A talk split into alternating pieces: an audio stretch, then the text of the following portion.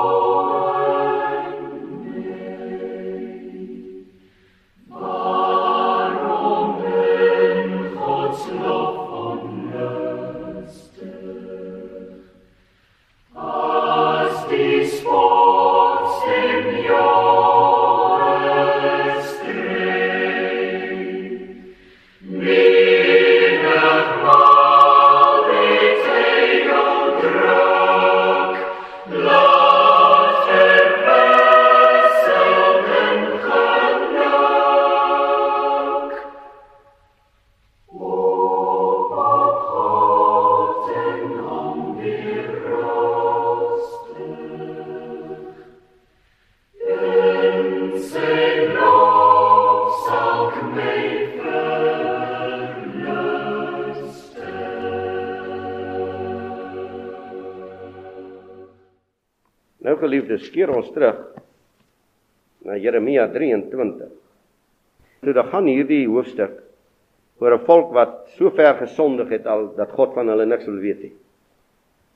En ons leef in 'n tyd, jy moet baie mooi oplet, ons leef in 'n tyd waar die mense vreeslik graag God spraak wil hoor. Die een wil drome droom en die een wil gesigte sien en die een wil sê die Heilige Gees het so gesê en die een wil sê maak so en die ander een sê maak so. Ons het die woord. Ons het die woord. Nou hierdie woord en as hierdie volk of profeet of priester jou dan vra en sê wat het Jawe gelas? Hierdie woordjie gelas beteken eintlik in die Hebreëse woord massa, gewig.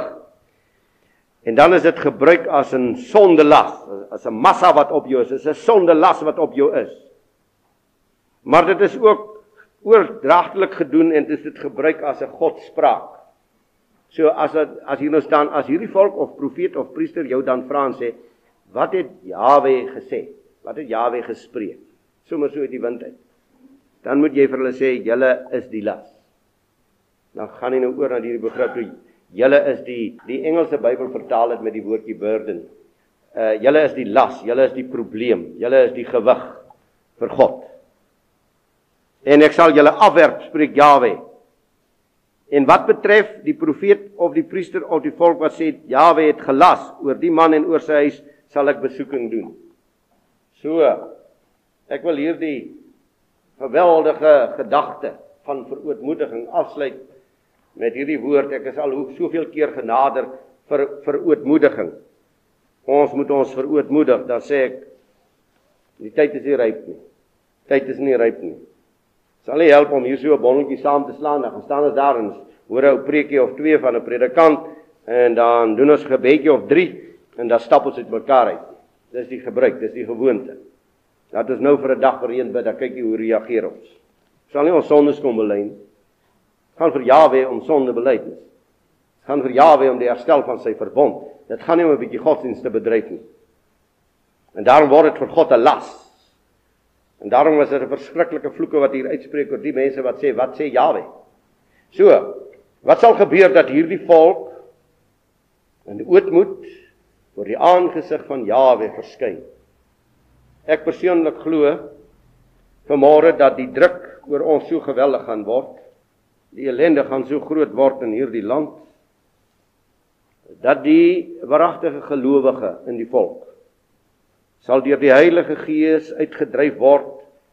Daar sal 'n drang in sy binneste kom om saam met die res van die wat soos hy glo en dink dat ons volk moet bly. Sal deur die Heilige Gees uitgedryf word tot hierdie eenheid. Sodat ons soos een man voor die aangesig van Jawe sal kan gaan staan. Met wat? Nie om vir reën te bid nie. Nie om vir vrede te bid nie. Nie om te bid dat ons ons grond sal behou nie om ons sonde te bely. Om ons verbond met Jawe te herstel. Om ons kinders groot te maak in die heiligheid van hierdie heilige woord. Om opnuut vir Jawe weer sigbaar volk te word wat ons nie sal vermeng met die heidene van hierdie land nie en wat ons nie sal vermeng met die gruwels van hierdie land. Ons terugkeer sal 'n waaragtige terugkeer moet wees. Hierdie hoofstuk 23 sluit af met hierdie woord. En ek sal julle in ewige smaad oplê en 'n ewige skande wat nie vergeet sal word. Hierdie volk hierdie volk het in verwoesting gegaan. Totale verwoesting. Daar het van die Juda koninkryk niks oorgebly nie.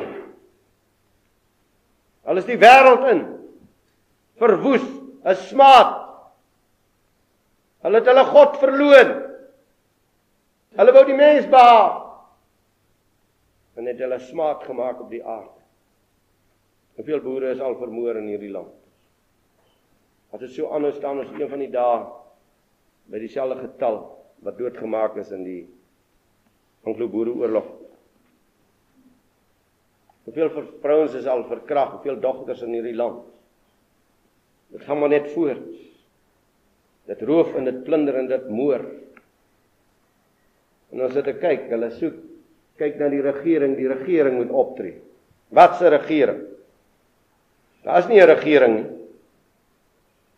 Daar's 'n klomp Jode, Edomite en Ismaelite wat geld maak uit alles wat gebeur in die land. Dis waaroor dit gaan. Dit gaan nie oor 'n volk nie. Dit gaan nie oor 'n volk wat sal pleit vir my voortbestaan. Ons het 'n Vader. Ons het 'n Vader. Hy is die goeie herder van sy skape. Hy wat in die skuilplek van die Allerhoogste sit, sal vandag in die skade wees van die Almagtige. Dit is een my pad. Nie en ek moet seker maak. Ons klein getal moet seker maak dat ons verrigtig by Jahwe is. Dat ons onder sy heilige handelinge is. Ons sal moet seker maak wat ons doen is van Jahwe, is nie ons handelinge nie. Ons sal op ons aangesig moet staan en weet hy het my op hierdie pad gestuur. Dit is geweldig om te sê Jahwe het opdrag gegee. Jahwe het so gesê. En as jy Jahwe so gesê het en hy het nie so gesê nie, wat 'n skrikwekkendheid. En as Jahwe so gesê het en jy voer dit nie volgens die Bybel uit nie, wat gaan gebeur? Ons het die woord. Ons het hierdie boek, die voorskrifte, die handelinge moet uit hierdie boek kom. En hoe kan 'n volk hoe kan 'n volk wat die wet nie ken nie? Of dink jy die Afrikaner volk ken vanmôre die wet van Jahwe? Hoe kan 'n volk wat die wet nie ken nie tot verootmoediging kom? 'n Volk wat vanmôre saamstem, almal is my naaste. Terwyl hierdie woord sê wie is jou naaste? Gaan lees maar weer Levitikus hoofstuk 19. 'n Volk wat verlei is tot hierdie verskrikking dat ons is almal gelyk. Hoe gaan so 'n volk voor Jahwe se aangesig gaan staan terwyl hy nie sonder 'n swarte en sonder 'n baster die aangesig van God meer kan soek nie? Hy moet hom saamvat. Kom ons Kom ons by geliefdes want 'n mensie is niks. Die mens is 'n nietigheid. Koning Saul was 'n besondere koning. Jahwe het hom liefgehad. Hy oortree godsdienstig. Jy moet gaan kyk waar lê sy oortredinge. Hy wil offer, hy wil voortdurend vir God offer buite die reëls van Jahwe, buite die ordeninge van die heilige God. En hy word gekanselleer. Hierdie volk wil nie die ordelyne van die Almagtige nie. Hulle wil nie. Hulle wil hulle eie ordes en hulle eie reëls en hulle eie idees. Ons sal die boek moet gehoorsaam. Anders kan ons maar los. Dan sal ook ons als verloor wat Jawe in sy genade aan ons geskenk het. Ons Vader Esra staan voor U.